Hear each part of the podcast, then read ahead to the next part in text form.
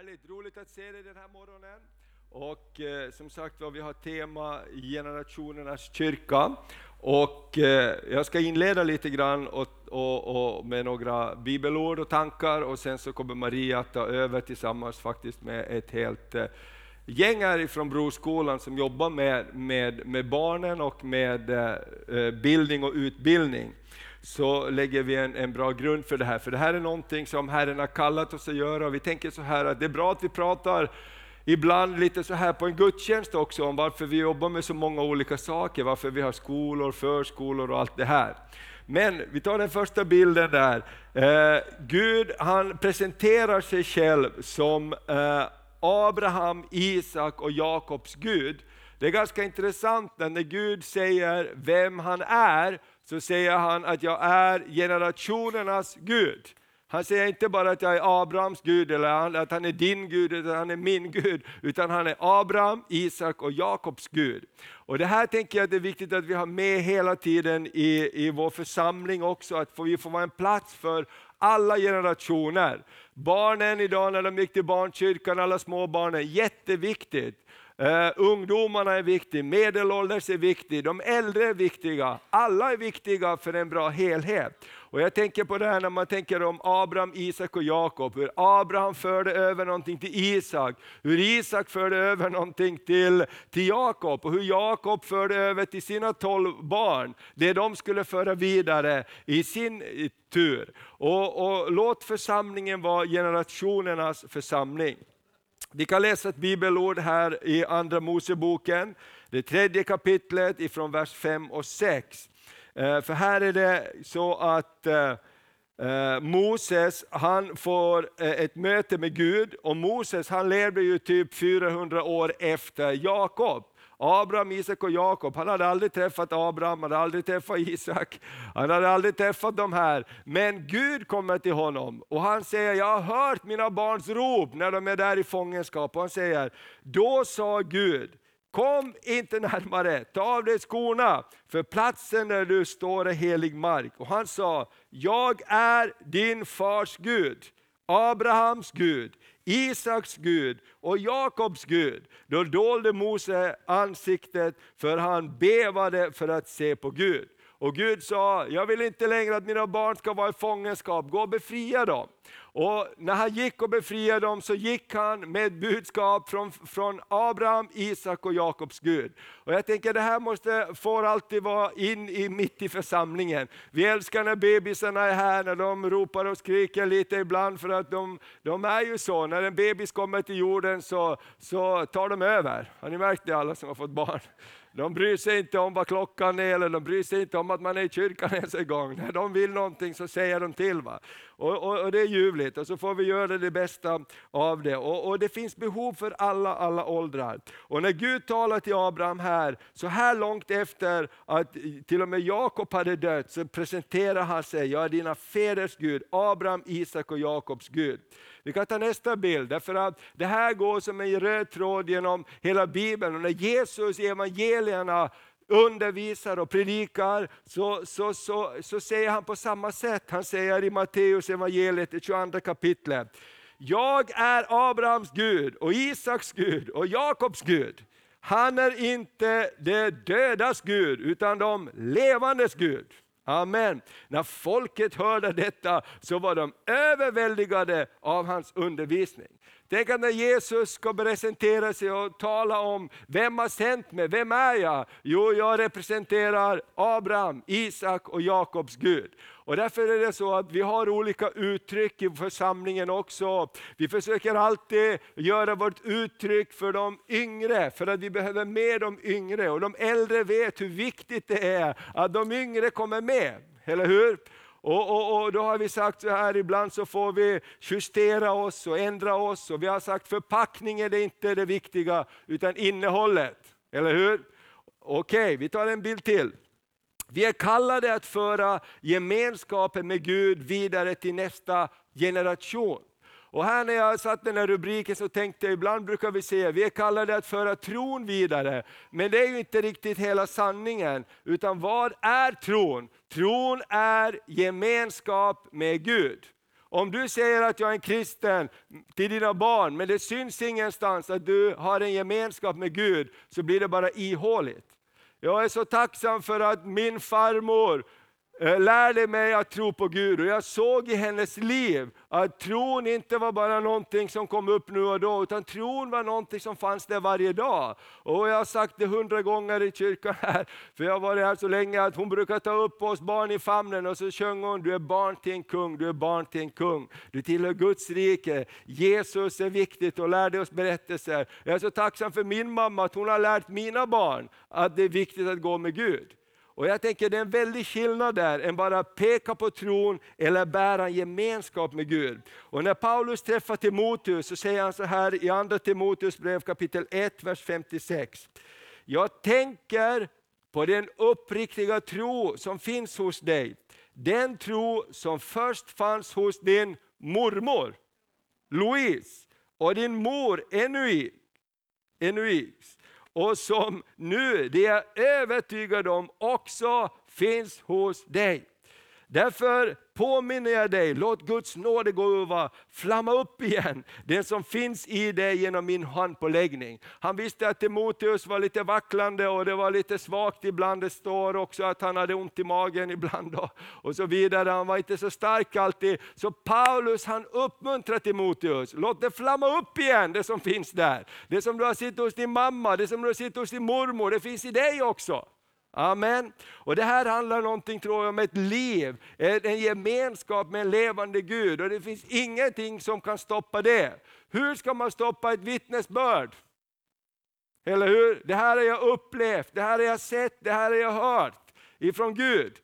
Eller hur? Det är lätt att stoppa ord för det finns massor av ord i den här världen. Det finns massor av teorier i den här världen. Men när du känner någon som har lärt känna någon och berättar om hur det är att vara tillsammans med den personen, så blir det ju på riktigt.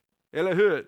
Jag kommer ihåg när min pappa berättade hur han blev en troende och hur Gud räddade dem vid, vid olika tillfällen. Helt uppenbart fick de uppleva Guds mirakel, hand i svåra situationer. De höll på att dö ibland. Så, så ropade de till Gud och Gud räddade dem. Och det är ju saker, de kan, det kan man inte bortförklara.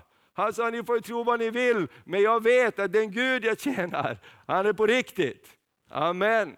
Och, och, och, en gång som han berättade när, han var, när, när de öppnade sitt företag och hade inte allting riktigt hundra på grej och någon hade anmält någonting och det kom en stor delegation som skulle kolla dem. Och så sa så, så, så, han bara, Gud du måste hjälpa mig. Och ut ur buskarna kom det jordgeting, sån här, helt sån här gäng vet du, Bzz, och började flyga kring de här. Och de, de bara liksom försökte få bort, han bara stod och tittade. Och till slut så, här kan vi inte vara, de bara sprang därifrån. Och så, och, och så sa tack gode Gud, och så hann han göra i ordning det där som inte var i ordning gjort. Alltså det är väldigt svårt att bortförklara sådana saker. Eller hur? Därför att jag har en gemenskap med Gud och när det är svårt, vad gör vi då? Vi snackar inte bara utan vi samlas i hemmet och så ber vi tillsammans. Säger Gud, du måste hjälpa oss. Amen. Och då blir det någonting mer vi överför än bara tro, vi överför gemenskap med Gud. Okej, okay. Eh, en, en till eh, eh exempel. Asafs exempel från psalm 78. Asaf han är, han är en, en märklig, märklig Eh, Eh, psalmskrivare, han har skrivit eh, många saltar, salmer i, i, i saltaren i Bibeln. Och det är så märkligt med han, därför att han skriver om att överföra till de kommande generationerna det vi upplevt. Och när man studerar Asaf så kan man se ända som saltaren, så kan man se hur det går vidare. När Salomo inviger templet, vem står där? Asafs söner står där och prisar Gud. Sen senare, långt senare, 400-500 år senare, när Nehemja kommer tillbaka och bygger upp templet igen och, och Esra och allt det här, så står det att de börjar prisa Gud. Och vem stod där och började prisa Gud? Jo, Asafs söner. Han hade lyckats ganska bra med överföringen. Ska vi läsa Psaltaren 78? Lyssna mitt folk till min undervisning. Vänd era öron till min muns ord. Jag vill öppna min mun för att tala visdomsord. Och vad är de här visdomsorden? Lägga fram gåtor från gångna tid. Vad vi har hört och lärt känna, vad våra fäder har berättat för oss, vill vi inte dölja för deras barn. För det kommande släktet förkunnar vi Herrens lov, hans makt och det under han har gjort. Han upprättade ett vittnesbörd i Jakob, han gav sin undervisning i Israel och befallde våra fäder att lära ut den till sina barn, så att den blev känd för det kommande släktet. Det barn som skulle födas, så att det i sin tur skulle berätta för sina barn, så att de sätter sitt hopp till Gud och inte glömmer Guds gärningar, utan följer hans bud. Det här är helt fantastiskt och det är därför det är så fantastiskt när man läser lite vidare om Asaf, att han lyckades faktiskt föra över generation och generation. När det dyker upp någonting som Gud gör, så är det Asafs barn som är där.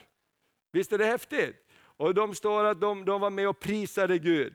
Så den sista bilden här. Vår kallelse, det är att ge det vidare. Ge det vidare till alla människor på den här jorden. Ge det vidare till alla som vi möter. Men framförallt ge det vidare i vår familj och i vår församling. Stafettpinnen som är där, kommer, du, vet, du, du vet hur det går till när man, när man, när man springer stafett. Då står man inte och väntar på att någon ska komma, utan när man ser någon komma, då börjar man kuta. Eller hur? Och då, då springer båda samtidigt. När man överväxlar stafetten är det inte som en står här och väntar, nu orkar inte jag längre, kan du komma och hämta pinnen? Eller hur? Det blir liksom ingen bra stafett med det. Utan man kutar och så vill man ge över till nästa som kutar i sin tur. Amen. Och det här tror jag är vår kallelse, ge det vidare hela tiden, ge det vidare. Att vi aldrig får glömma det, för att utmaningen är det med församlingen. Det finns ingen garanti för att om inte vi ger det vidare, att det går vidare. Det finns hela områden, länder i världen som har varit kristna, som inte är kristna idag. Det finns kyrkor, bara i vår stad finns det kyrkor som har lagt ner, därför att man inte kunnat föra vidare tron. Och man får sälja byggnaden och för det, då, medelåldern blir så hög så vi har inga framtidsutsikter. Och jag tänker så här, låt oss aldrig glömma uppdraget. Ge det vidare, ge det vidare, ge det vidare. Låt oss springa med de unga, låt oss göra vad vi kan så att vi kan föra det vidare. Och bönen är fantastisk, vi får be för Gud kallar människor. Och jag tänkte bara, vi har Jonte med här idag, vår son Jonathan. Kom Jonathan. Amen, ge honom en applåd. Amen. Nu har jag byggt upp det här bra Jonathan för dig. Nej. Ja, du kan, ta, du kan ta det här. Jonathan han är hemma och eh, justerar sin Ironman style, sin tandställning. Så han är ju du är i Frankrike. Jag tänkte bara, hur går det för dig där? Eh, det går bra. Eh, ja, vad ska jag säga? Det, det går bra. Um, precis varit med och, och startat upp ett nytt uh, jag där jobbar med UMU och med mission och uh, precis varit med och startat upp en, en ny organisation där som uh, satsar på att nå surfare och skatare. Och, en, det, är, det är kul att se och nu har vi faktiskt öppnat upp och, och folk kommer in och vi kan bygga relationer och sådär. Så det har varit väldigt roligt att se och Gud har gjort otroligt mycket mirakel och under och, och helt sådär öppna dörrar som man bara står och kollar på liksom. Det, det är verk, verkligen coolt att se. Och ni kan träffa, ibland ser du att de kommer in där och, och ni möter människor som när du var liten så, så kollar du på Youtube Ja men exakt, det är allt, allt möjligt liksom. Det är folk från, eh, ja men såna här professionella surfare och skatare och allt sådär. Alltså man, man, eh, själv så har jag bara sagt ja till Gud och Gud har bara tagit med mig på, jag trodde att Gud ville göra, att jag, att jag skulle göra det här men Gud öppnade en dörr mm. till att göra det där och nu liksom, ja, det har varit kul att se och Gud vet vem, vem jag är och jag har fått vara med och bygga, bygga någonting som jag inte ens riktigt vågar vara med och vara, våga drömma om riktigt. Så det, det är kul att se och, och sådär. Wow, och nu är det ditt tredje år så snart börjar du en annan uppgift. Exakt. så eh, nu har jag varit med vad Gud har ledde mig till, det var att vara med och öppna upp den där byggnaden och se mm. till att det, det händer liksom. Och jag har varit med och byggt och, och eh, snickrat och faktiskt renoverat och öppnat upp och sådär. Eh, mycket hårt arbete och bön sådär. Men nu är det öppet och, och eh, Gud har lett mig till att vara med och, och eh, jobba med, med lärjungaskola där. Eh, mm. Så det är nu min nästa sex månader. Så att, eh, då ska jobba med ungdomar, eh, allt från yngre och äldre än vad jag är, så det är intressant.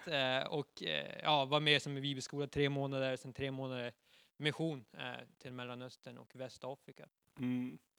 Så det, Kul. det är vad som händer nu. Och då lämnar jag liksom det andra och går in fullt med det. Och, och satsar sex månader på de här eleverna, Ja. de här studenterna. Det är så spännande. Visst är det härligt att höra vad Gud gör? Då? Och vi säger det i vår familj, så förlåt Jonathan, men vi trodde aldrig det här om dig. Alltså, Jonathan var den mest tysta, låtna och liksom tillbakadragna personen. Och plötsligt sa jag, jag tror jag ska gå på bibelskola i Frankrike. Vad säger du i Frankrike? Liksom? Vem åker till Frankrike? Och så vidare. Men det är så kul att se vad Gud har gjort. Och det är det här som är så spännande med generationerna. Vi kan inte liksom trycka in någonting, men vi kan förbereda. Eller hur? Vi kan försöka vara exempel och leva med Gud så de har någonting att se i våra liv. Amen. Bra. Vill du säga något mer?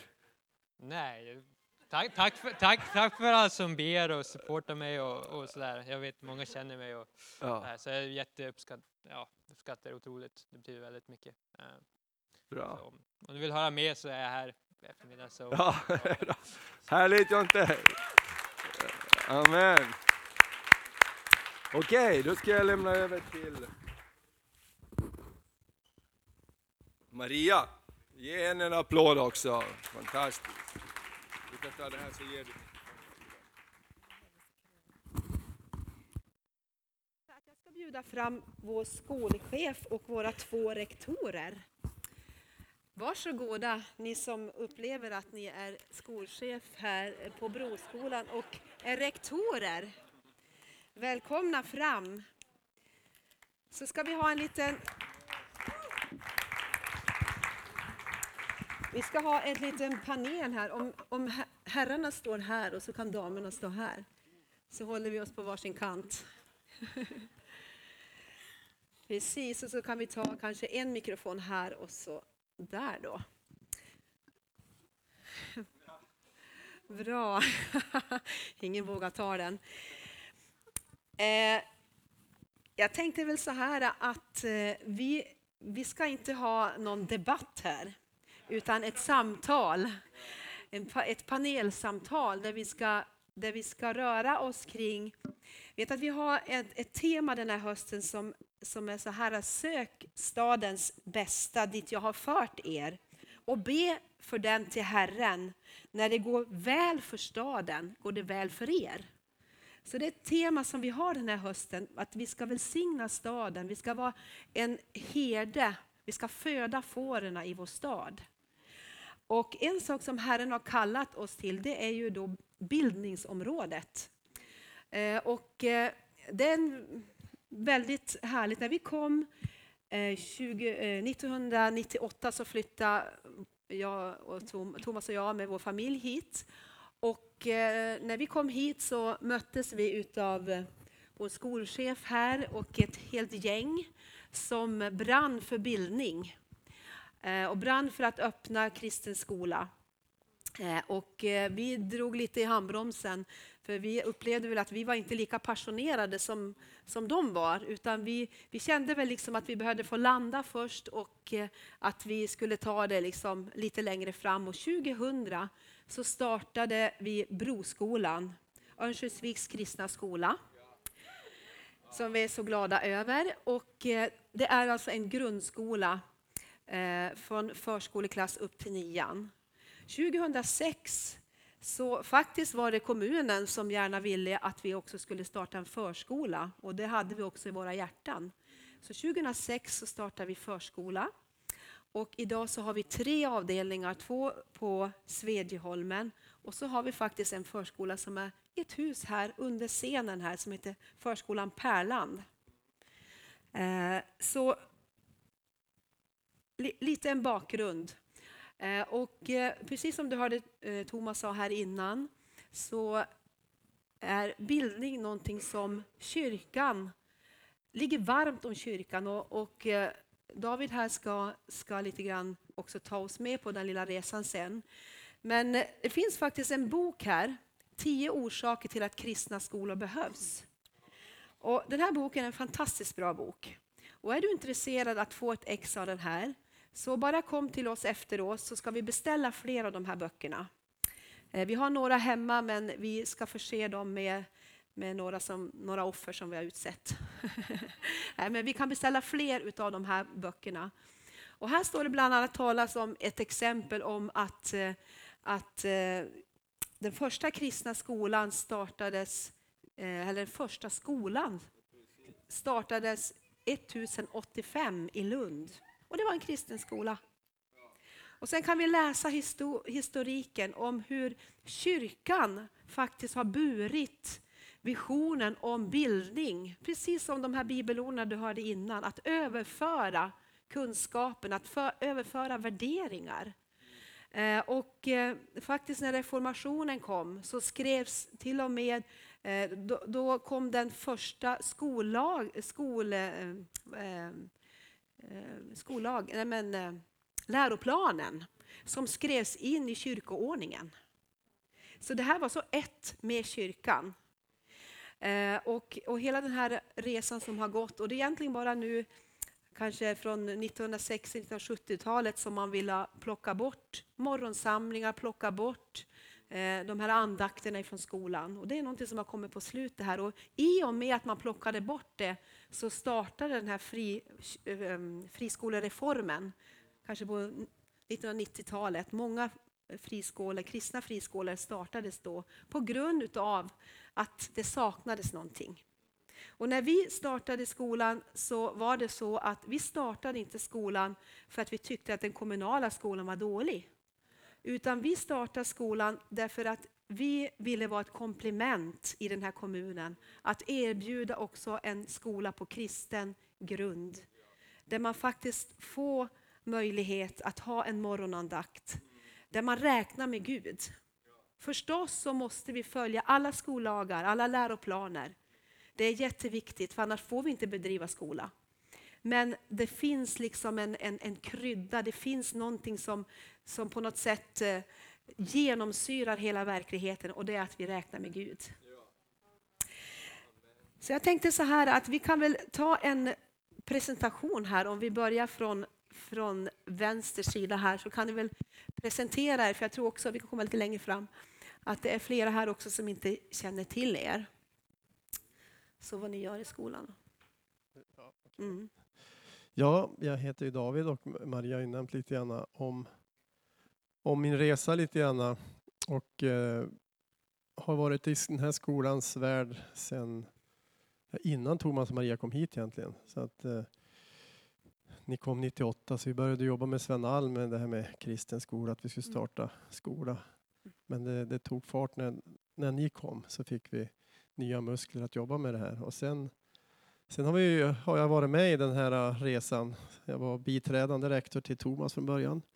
Och sen 2004 så blev jag rektor för Broskolan och sen har, har jag de senaste tre åren också jobbat som rektor uppe i Umeå och jag har även varit förskolechef här i Övik eh, fram till i våras egentligen. Så att eh, nu är jag bara skolchef så det känns väldigt bra. Jag hade tre hattar på mig ett tag.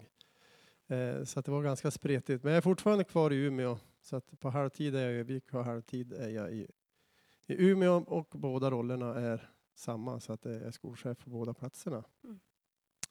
Bra. Ja. Hej! Hej. Vad fina ni är. Tack. Jag heter Stefan Ekström. Jag är 37 år gammal. Den 17 januari 2009 då blev jag färdig gymnasielärare i historia och religion. Och eh, ungefär en månad efter det, den 21 februari, då började jag jobba på Broskolan. Och sen dess har jag jobbat på Broskolan som lärare fram tills eh, i höstas. I fjol höstas, då blev jag rektor på Broskolan. Men jag har också undervisning, så jag undervisar främst i SO på högstadiet. Eh, men rektor och, och lärare är jag. Mm. Sen en annan viktig grej som också jag är, det är dygnet runt här. Jag är pappa till de där fantastiska pojkarna där borta. ja. Jag kommer lite längre. Ja. Hej, Sandra heter jag. Eh, och jag kommer från Chile, kanske jag ska säga. Först, eh, och, och sen jag eh, jobbade i Bjurholm 14 år ungefär. som förskollärare och förskolechef på den där tiden. Och sen, Gud har kallat mig hit. Underbart. Underbart. Eh, som förskollärare först. Eh, och sen från april som förskolechef först och sen från juli det var rektor för Precis. förskolan Solstråle. Mm. Precis. Eh, en snabb fråga innan vi grottar ner oss lite mera. Jag tänkte höra med er, varför jobbar ni på Broskolan och Solstrålen? Vad är det som driver er? På en mening. Att forma nästa generation. Uh, bra. Nej, men i en mening. Jag, Två då. jag tror att Gud vill att jag ska jobba på Broskolan. För att det är, det här blir en lång mening. Mm. Eh, nej men skämt åsido så jag tycker kristna skolor och konfessionella skolor är bra för att de ger mer än ett perspektiv på saker och ting. Så för att det är rätt blir, blir Mm. svaret. Bra. Och Sandra? Ja, en stor kallelse från Gud och för nästa generation. Bra. Härligt. Så bra. Amen. Eh, jag tänkte, vi tänkte börja med dig, David. Eh, varför, varför driver vi kristen grundskola och förskola som, som församling? Jag tror att vi har också ett bildspel som kan gå på här. Eh, varför, varför driver vi kristen skola och förskola? Ja, jag, eh, den där första bilden är, kan jag börja bara med den ändå, för att eh, den kristna skolan utifrån det vi har jobbat har, har varit som tre ben egentligen som jag vilar på. Det är ju kunskaper, det är karaktär och det är barmhärtighet. Det är någonting som vi tror är viktigt och kännetecknar den kristna skolan. Sen nästa bild, varför driver vi kristen grundskola och förskola? Egentligen så är det ju så att vi har ju en vision i församlingen som grundar sig på Matteus 28. Och där ligger ju kärnan till varför vi gör det här. Det är ju egentligen människor det handlar om. Och det är världen. Och det kan man ju jobba med på olika sätt. Jesus han, han pratar om det här med Guds rike. Det står ju mycket om det i Bibeln. Och han ställer frågan, vad är, hur kan man förklara Guds rike? Jag tror att vi bygger Guds rike på många olika sätt. Eh, Jesus försöker förklara det genom liknelser och då är det ju oftast komplext för att man ska förklara, förstå det bättre. Han använder det här senapskornet som växer och Mm. blir stort. Ja. Den här surdegen som syrar degen. Han pratar om sådden som växer och vi förstår inte hur det går till. Och samtidigt så säger han så här, var är Guds rike någonstans? Ja, den är mitt ibland er, säger han. Och jag tror ju att där vi som kristna är, där bygger vi Guds rike. Och grundläggande är ju så, varför driver vi kristen skola? Därför vi vill bygga Guds rike. Och det kan man då göra på genom olika verktyg. Och jag tycker att kristna skolan, kristen bildning, det är verkligen en grundsten Mm. för att kunna bygga vidare på, på det andliga om man säger så. Alltså det, det- skola är ju att utbilda och Mm. bilda. Mm. Precis. Mm. Men eh, är skolan kyrkans uppdrag? Räcker det inte med, jag menar vi har gudstjänstliv och vi har evangelisation, vi möter människor. Eh, ska, ska kyrkan verkligen röra sig i, i bildningsområdet, i skolans värld? Om vi tar nästa bild så, så ska den försöka förklara lite grann. Eh, Jesus säger ju i Matteus 28, 18, ger han ju missionsbefallningen att vi ska ut, vi ska ut och predika över hela världen. Vi ska lära människor allt som han har lärt oss. Men innan dess i första Mosebok så sa ju Gud också till människan att skapelsen var god. Och så sa han också till människan att vårda den, bruka den, se till att det blir bra av det här. Och där i ligger också ett uppdrag som vi inte har tappat bort. Det finns fortfarande kvar. Och där ligger ju mycket av det här som kyrkan faktiskt, jag tror, inte bara skola utan hjärtat, det, det handlar ju om omsorg, vård. Mm. De här djuren ska symbolisera vår natur runt omkring oss. Vi- jag tror inte Gud har tänkt att vi bara ska strunta i allt det här. Utan vi har ett ansvar att som kristna värna om vår miljö runt omkring oss, värna om människor, om vård, men även utbildning, att vi ger dem en god utbildning. Mm. Och det här har ju funnits, som du nämnde, Mm. det är inget nytt. Kyrkan har ju hållit på med det här i alla tider. Mm. Precis. Ja. Jag, jag tänker bara fylla på. Jag tänkte när jag gick rektorsutbildningen så var vi på studiebesök i Dublin i, i Irland och eh, där är kyrkan 90 procent av katolska drivs av katolska kyrkan av skolorna. Och där man såg en kyrka, där såg man en skola. Där man såg en Wow. skola såg man en kyrka. Det hängde så tätt ihop. Mm. Så att det här är våra gener. Mm. Jag kommer ihåg när vi, när vi startade, speciellt de första åren, när vi startade skolan så, så tog det ett tag innan vi etablerade oss i Övik och människor kunde liksom om, förstå att det här faktiskt var en grundskola. Utan i början så fick vi lite kommentarer, jaha, liksom ska ni ha barnkyrka eller söndagsskola? Det var lite så. Eh, och eh, vad, vad, vad menar du, vad, vad är kyrkans uppdrag kontra skolans uppdrag? Om man liksom, eh, kan man, kan man liksom göra en särskiljning där eller är alltihopa bara ihoppackat till ett paket? Ja, vi kan ta nästa bild där som ska symbolisera tror jag, det mycket av skolan gör det, och det som är kopplat till Ordspråksboken 22 och 6 där, där Gud säger att vän den unge vid den väg han bör vandra så viker han inte av därifrån när han blir gammal. Och det är ett fantastiskt bibelord och det kan ni hålla fast vid när det gäller era barn. Har ni vant dem när de var små så har Gud lovat att de kommer att gå rätt. Därför det byggs in någonting i dem när de är små. Amen. Och det här tror jag, om man säger ande, själ och kropp, så, så den kristna skolan tror jag hanterar hela människan. Men vi jobbar ju med själen, det är, det är, ju, det är ju eh, kunskaper och sådana saker och det är ju det som också gör att vi kan göra rätta beslut och kunna gå rätt i livet. Mm. Så det, det, det är mycket det som skolan handlar om, att hjälpa dem att hitta rätt väg i livet. Så, så ni, ni predikar inte för dem? Vi predikar inte för dem, men vi vill, om man kan uttrycka sig, vi vill bilda och skapa den goda människan. Mm. Kyrkan har ett annat uppdrag på det sättet att predika evangelium. Det gör vi inte i skolan. Vi måste lära dem matte, svenska, engelska och det tror jag vi kan vara bäst på. Mm. Det kommer. Stefan att nämna lite om tror jag. Mm. Att det får finnas en allsidighet i Ja, det som du sa innan här, att, att de kristna skolorna, eller vad du Stefan som sa, det kan, kan visa en allsidighet.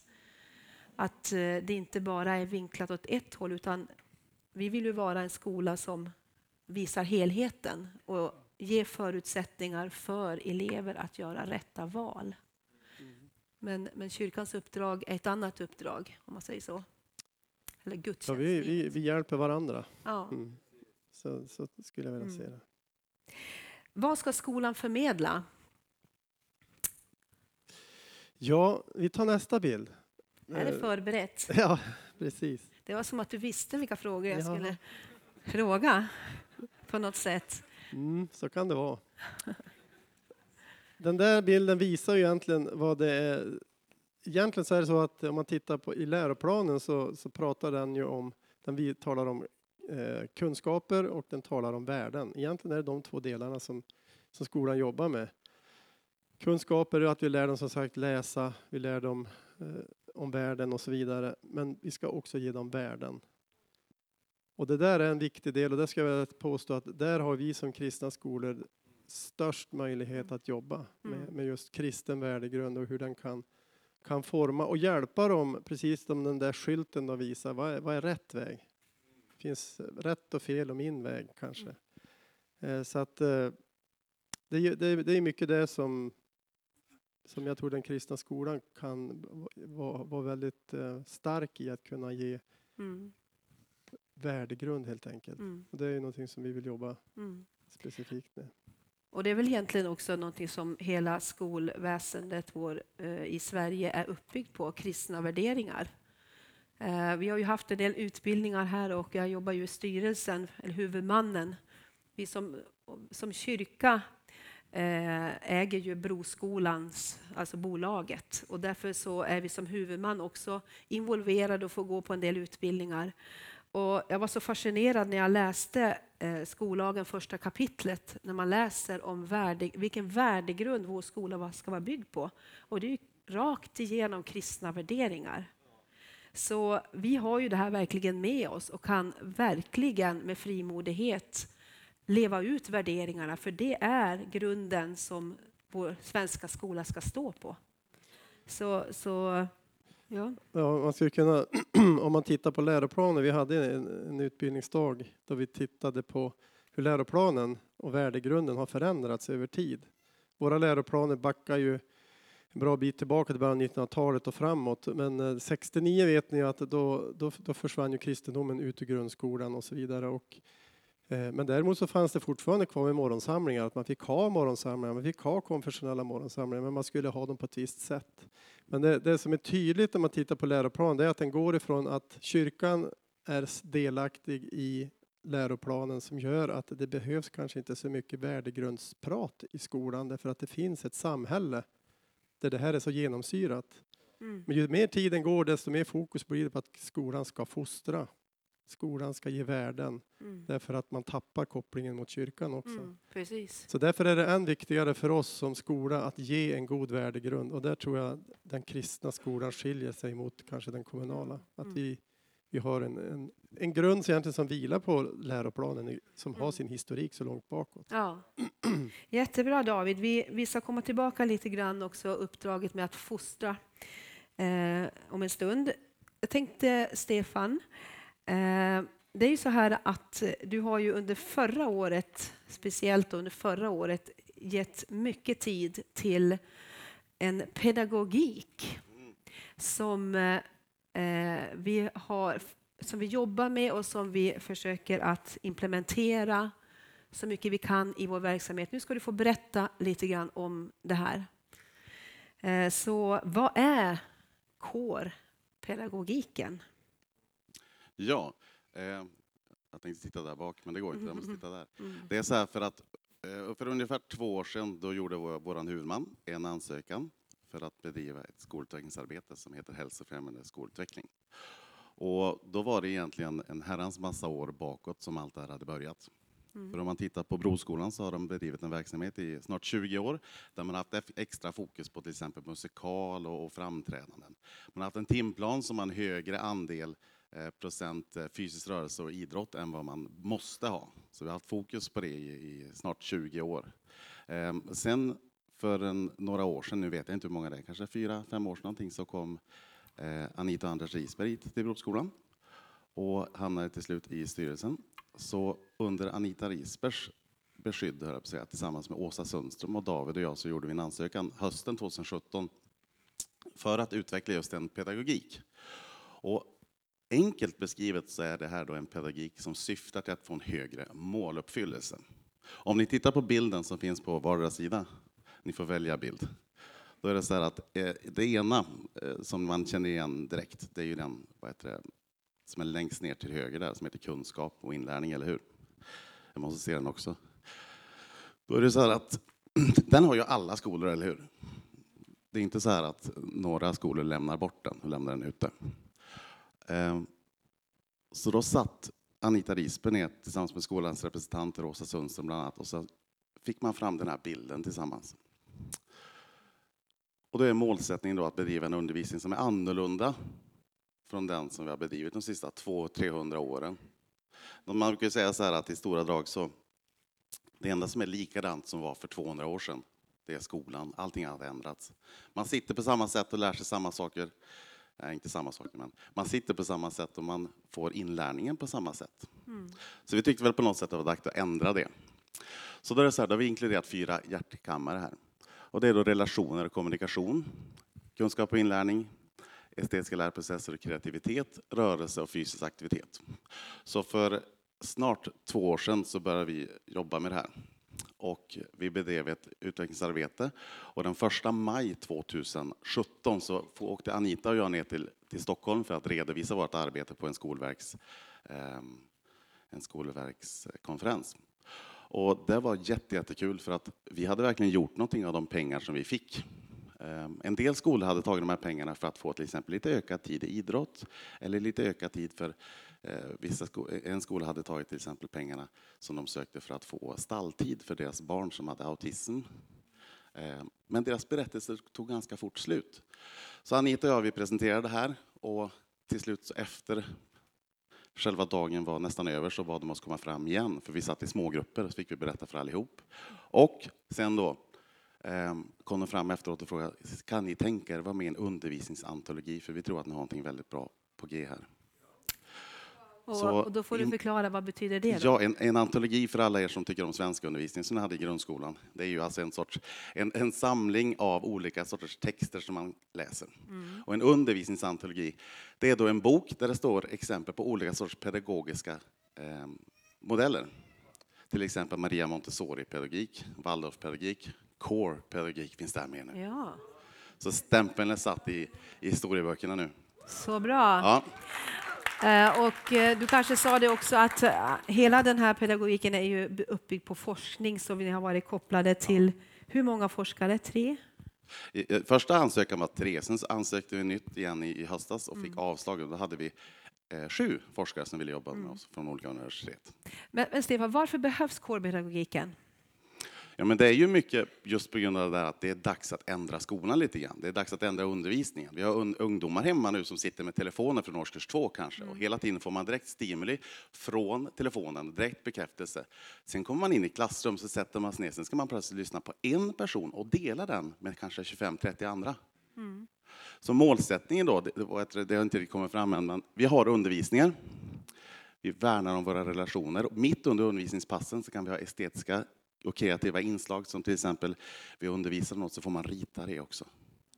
Sen har vi brain breaks, längre pass, då har vi då, vad heter det, små rörelsepauser som gör att vi liksom får resa oss upp och få upp vår vakenhetsgrad lite grann. Så sätter man sig ner så fortsätter man plugga lite grann. Och det här är någonting som vi faktiskt i år på våra studiedagar på Broskolan kommer att även sätta i, i fokus för personalen. För vi ska inte heller bara sitta och, och kötta på utan vi ska också ha såna här rörelseutmaningar och liknande. Och det här har väl sin grund då i att det ska öka lärandet. Ja, ökad måluppfyllelse. Må- Ökad måluppfyllelse. Mm. Väldigt, väldigt spännande. Mm. Så det här ska vi följa och eh, det här ska vi utveckla. Ja, sen är det roligt också. Vi kommer äntligen nu ut med en, en bok. Det känns jätte, jättebra.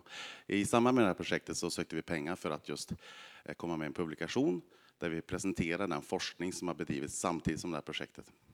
Och eh, första tanken var att den skulle vara färdig i fjol somras.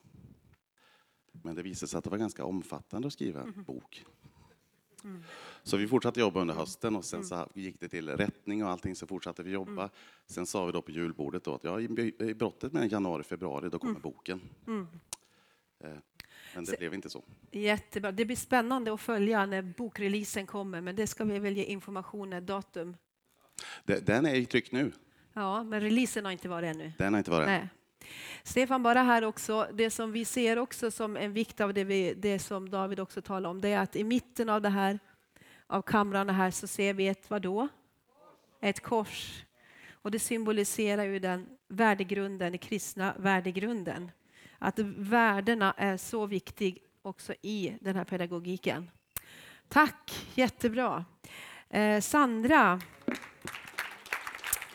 Eh, det är ju så att du jobbar ju då inom förskolan.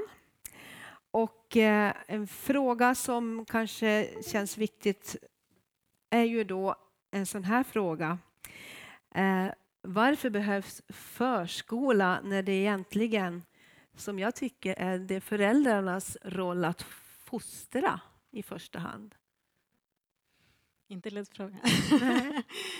eh, självklart, det är föräldrarna som har första. Eh, det är de som kan allt om sina barn. Det de som har valt att vara sina barn hemma, det är det bästa som de kan göra. Mm. Därför det är där som är, vi fostrar våra barn. Det är där som är, vi lägger en grund till dem.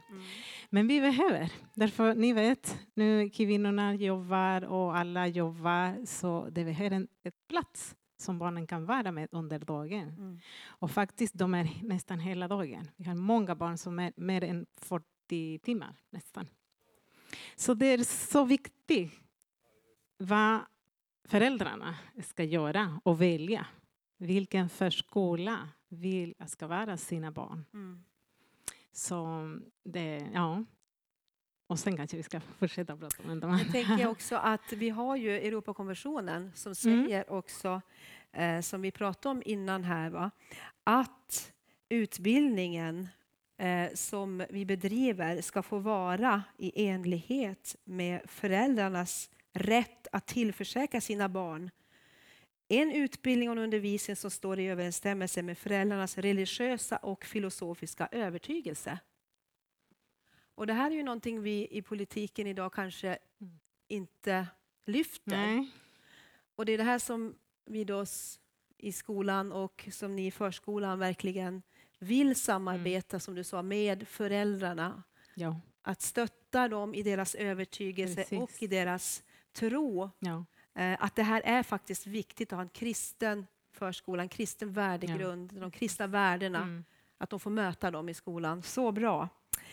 Ehm, precis, så, så det kristna, det, eller vad ska jag säga, det, det fria skolvalet. Mm, mm. Ja, det är så, därför jag sa det är så viktigt vad föräldrarna gör. Och, och faktiskt, det står på läroplan, för skolans läroplan, att vi har mycket samarbete med föräldrarna.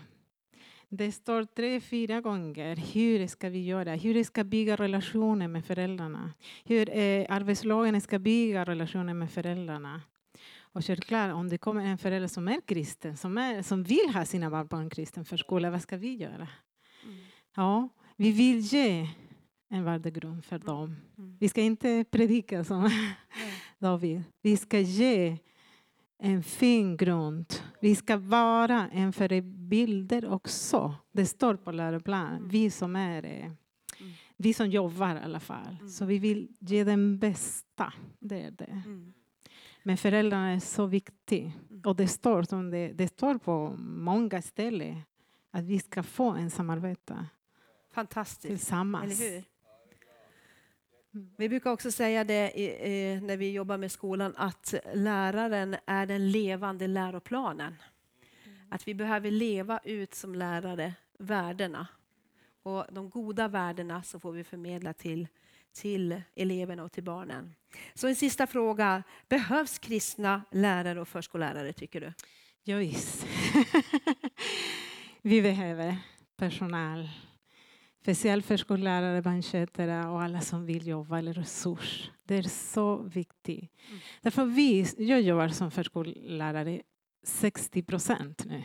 Så jag jobbar ganska mycket med barnen och föräldrarna. Därför vi jobbar tills, tillsammans. Och, och den är så bra, så roligt att göra den där. Och eh, vi som är kristna och är förskollärare eller lärare, vi jobbar inte bara för att tjäna pengar. Vi jobbar inte för att, aha, jag jobbar här, så det är så roligt att jobba med barnen. Det är mycket mer. Kanske ni förstår vad jag menar. Det är mycket mer. Mycket mer. Det är en kallelse först Mm. från Gud. Mm. Och jag hade sagt, vi vill, vi vill ge vår bästa för barnen. Wow. Så, Och vi, vi vet att vi har Jesus som vår förebild, så vi vill följa Jesus. Självklart. Vi vill ge den bästa mm. för dem. Så, det är Så bra. så. Jättebra Sandra, det var ett, ett slutord. Men jag tänkte så här att eh, vi ska ta och be för Broskolan, för Solstrålen, vi ska be för kristen bildning och, och jag tror att eh, Eh, de här skolmänniskorna här kommer att leda oss, de ska leda oss i bön. Så låt oss stå upp tillsammans. Eh, så får du börja David och be och så hänger vi på och ber tillsammans. Tack Jesus.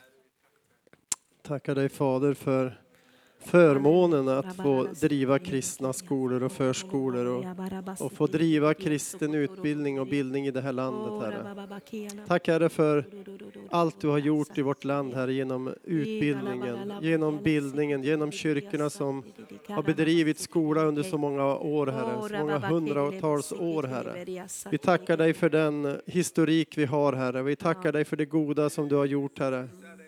Vi tackar dig också för att du har en ljus framtid för kristen bildning i det här landet. Jag tackar dig för att det är din vilja, Herre, att vi, vi ska jobba med det här, Herre. Jag tackar dig att för regering och riksdag, Herre. Vi, vi lyfter regeringen, Herre. Vi lyfter speciellt Anna Ekström, Herre, som är utbildningsminister, Herre. Vi vill lyfta henne inför dig, Herre, att eh, leda på rätt sätt, Herre. Att, eh, precis som du kan leda konungars hjärtan, Herre, som vattenbäckar, så kan du också leda Anna Ekström rätt, Herre. Vi ber också för den, den utredning som, som ligger nu under hösten, här och som ska beslutas under, vid årsskiftet, här om kristna skolor och det konfessionella skolor, Herre. Vi ber, Herre, att beslutet ska falla åt rätt håll, Herre.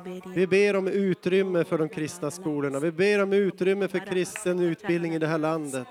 Vi tackar dig för att du ger oss utrymme, luft att leva, Herre. Vi tackar dig för en, en god framtid, Herre. Vi vill också be för kommunen, Herre. Vi ber för Kristina Raspek som är skolchef och förvaltningschef i den här kommunen, Herre. Vi välsignar henne. Vi tackar dig, Herre, att hon kan få vara redskap för dig, Herre utan att hon vet om det, Herre.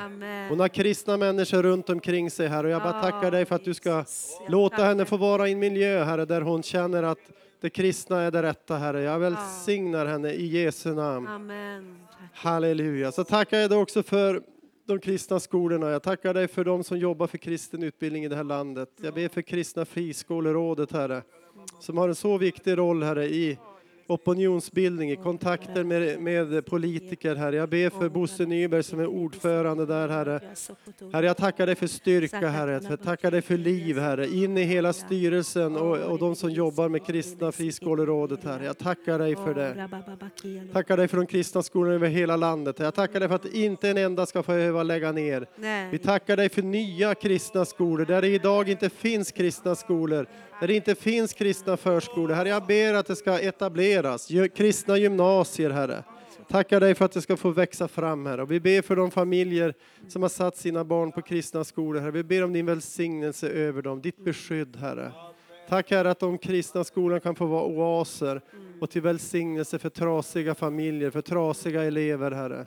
Herre, vi har sett det så många gånger, Herre, där, där du har upprättat eleverna, där du har hjälpt familjer och föräldrar, Herre. Vi, vi bara välsignar familjerna, vi välsignar eleverna som går på de kristna skolorna och ber om ett speciellt beskydd för dem. I Jesu namn, Herre. Vi tackar dig för det. Tack Jesus Herre. Vi ber för Broskolan Herre. Vi ber för förskolan, Solstrålen och de tre avdelningarna Herre. Tack Jesus för att den skolan ska få bara fortsätta växa Herre. Tack för alla de föräldrar som sätter sina barn på vår grundskola och våra förskolor Herre. Tack Jesus för det. Vi ber om välsignelse över dem och det är i tacksamhet som vi, vi står i tjänst inför dem Herre. Tack Jesus för det Herre. Herre, vi ber att fler barn ska komma till vår skola. Och när de kommer dit ska de få känna att det är bara en trygghet och en ro som finns där Herre. Tack Jesus för det Herre. Vi ber om säkerhet för alla våra elever Herre. Vi ber om välsignelse bort ifrån olyckor eller annat Herre. Så när de kommer till skolan får de känna en glädje, en säkerhet, en trygghet och de får utbildas Herre. De får undervisas Herre i, i ett mångfacetterat och, och allsidigt sätt Herre. Tack Jesus för det Herre.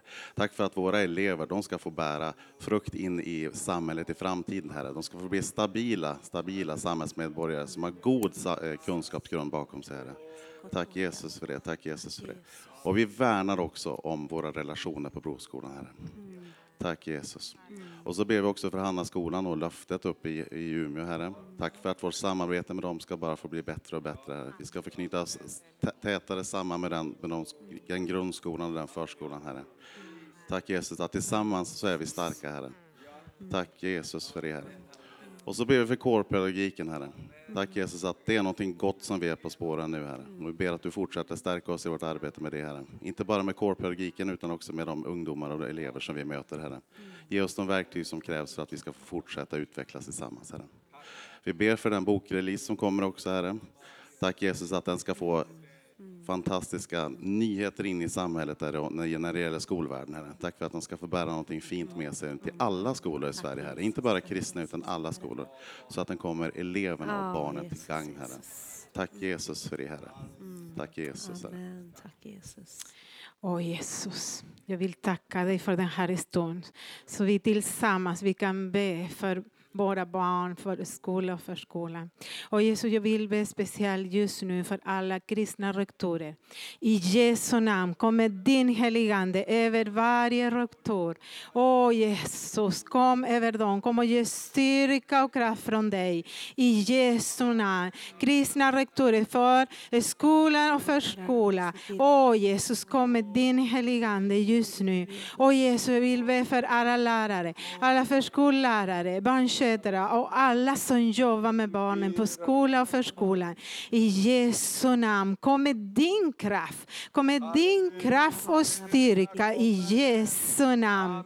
Åh Jesus, vi vill be också för varje familj, varje barn. Åh Jesus, speciellt för varje förälder. Varje förälder Jesus som ska välja kanske just nu på vilken förskola eller skola som ska de välja. Åh Jesus, kom, kom över dem. Och jag vill tacka dig. Jag vill tacka för allt som du har gett oss på den här platsen i evig. Åh Jesus, kom med din heligande över huvudmannen också i Jesu namn.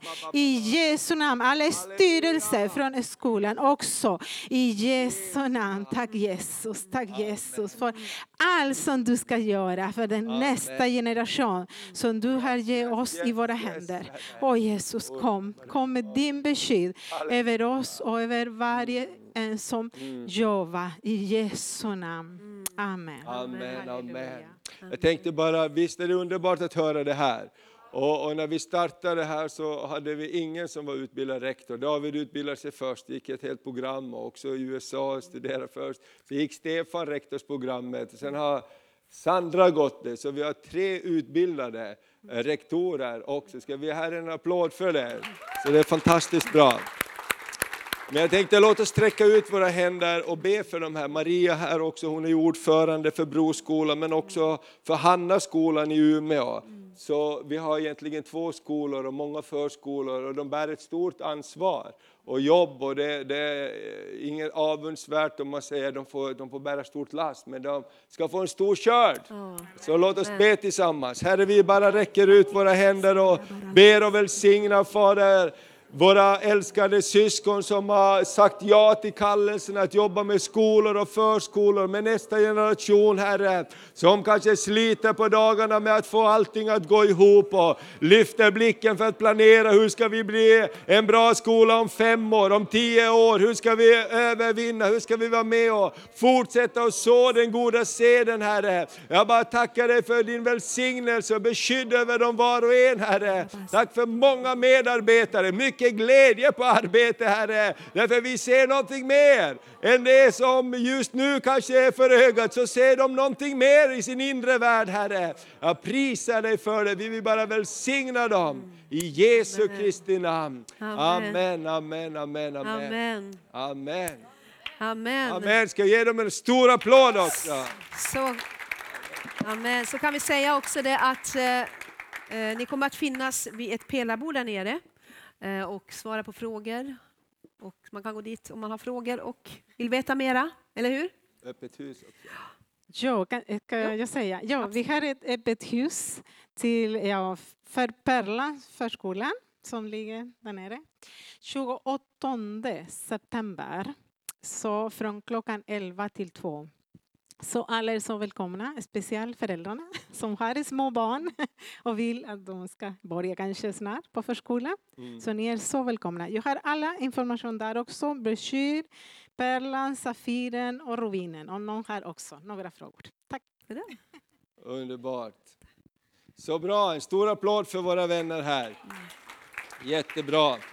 Eh, vi ville ta den här söndagen speciellt och bara dela det här, för det är en stor del av församlingens hjärta. Och innan jag överlämnar här till Debora Mats som ska avsluta, så tänkte jag när jag gick hit idag, så gick jag förbi vårt jordgubbsland. Och när vi köpte jordgubbsplantor så gick vi inte och tittade vilka plantor ser bäst ut. Utan man gick och tittade på bilderna. Eller hur? Vilka jordgubbar ser godast ut? Eller hur? Och så är det precis med, med, med barn och den kommande generationen, så de som växer upp. Vi ser någonting mer där på bilden. Och när de är plantor så kan det se lite hur som helst ut. Så jag vill bara uppmuntra dig. Och går du igenom en period, du kanske har tuffa tider med din familj och du ser att den där fantastiska bilden som jag såg, den ser jag inte just nu utan plantorna ser lite skadade ut. Fortsätt be, fortsätt titta på bilden som du har fått på insidan. Dina barn är välsignade, dina barn ska bära mycket frukt, de kommer att bli till stor glädje. Amen. För det finns en fantastisk bild som Gud visar och den bilden är välsignelse. För Bibeln säger att barn är en välsignelse. Amen. Och då får vi bara ändra oss om vi tycker någonting annat. För Gud säger att barn är en välsignelse. Amen. Ska vi säga barn är en välsignelse? Amen. Så vi älskar alla barn som kommer hit och alla som kommer till barnkyrkan. Och vi bara skapar rum för barnen i vår, vår kyrka så vi kan vara generationernas kyrka. Så bra. Varsågod, kom och avsluta. Ta, ta hem det här. Ja, nu ska vi ta hem, ta hem det hela. Det är som en hockeymatch.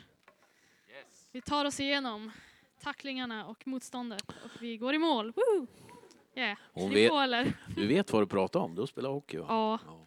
Och så nu är man ännu mer taggad. Jag har en bror som spelar. Uh, jag hejar på min bror. Josef! Wee! Han har också gått på Broskolan och han blev hockeyproffs. Man kan bli olika saker på Broskolan, eller genom... Härligt.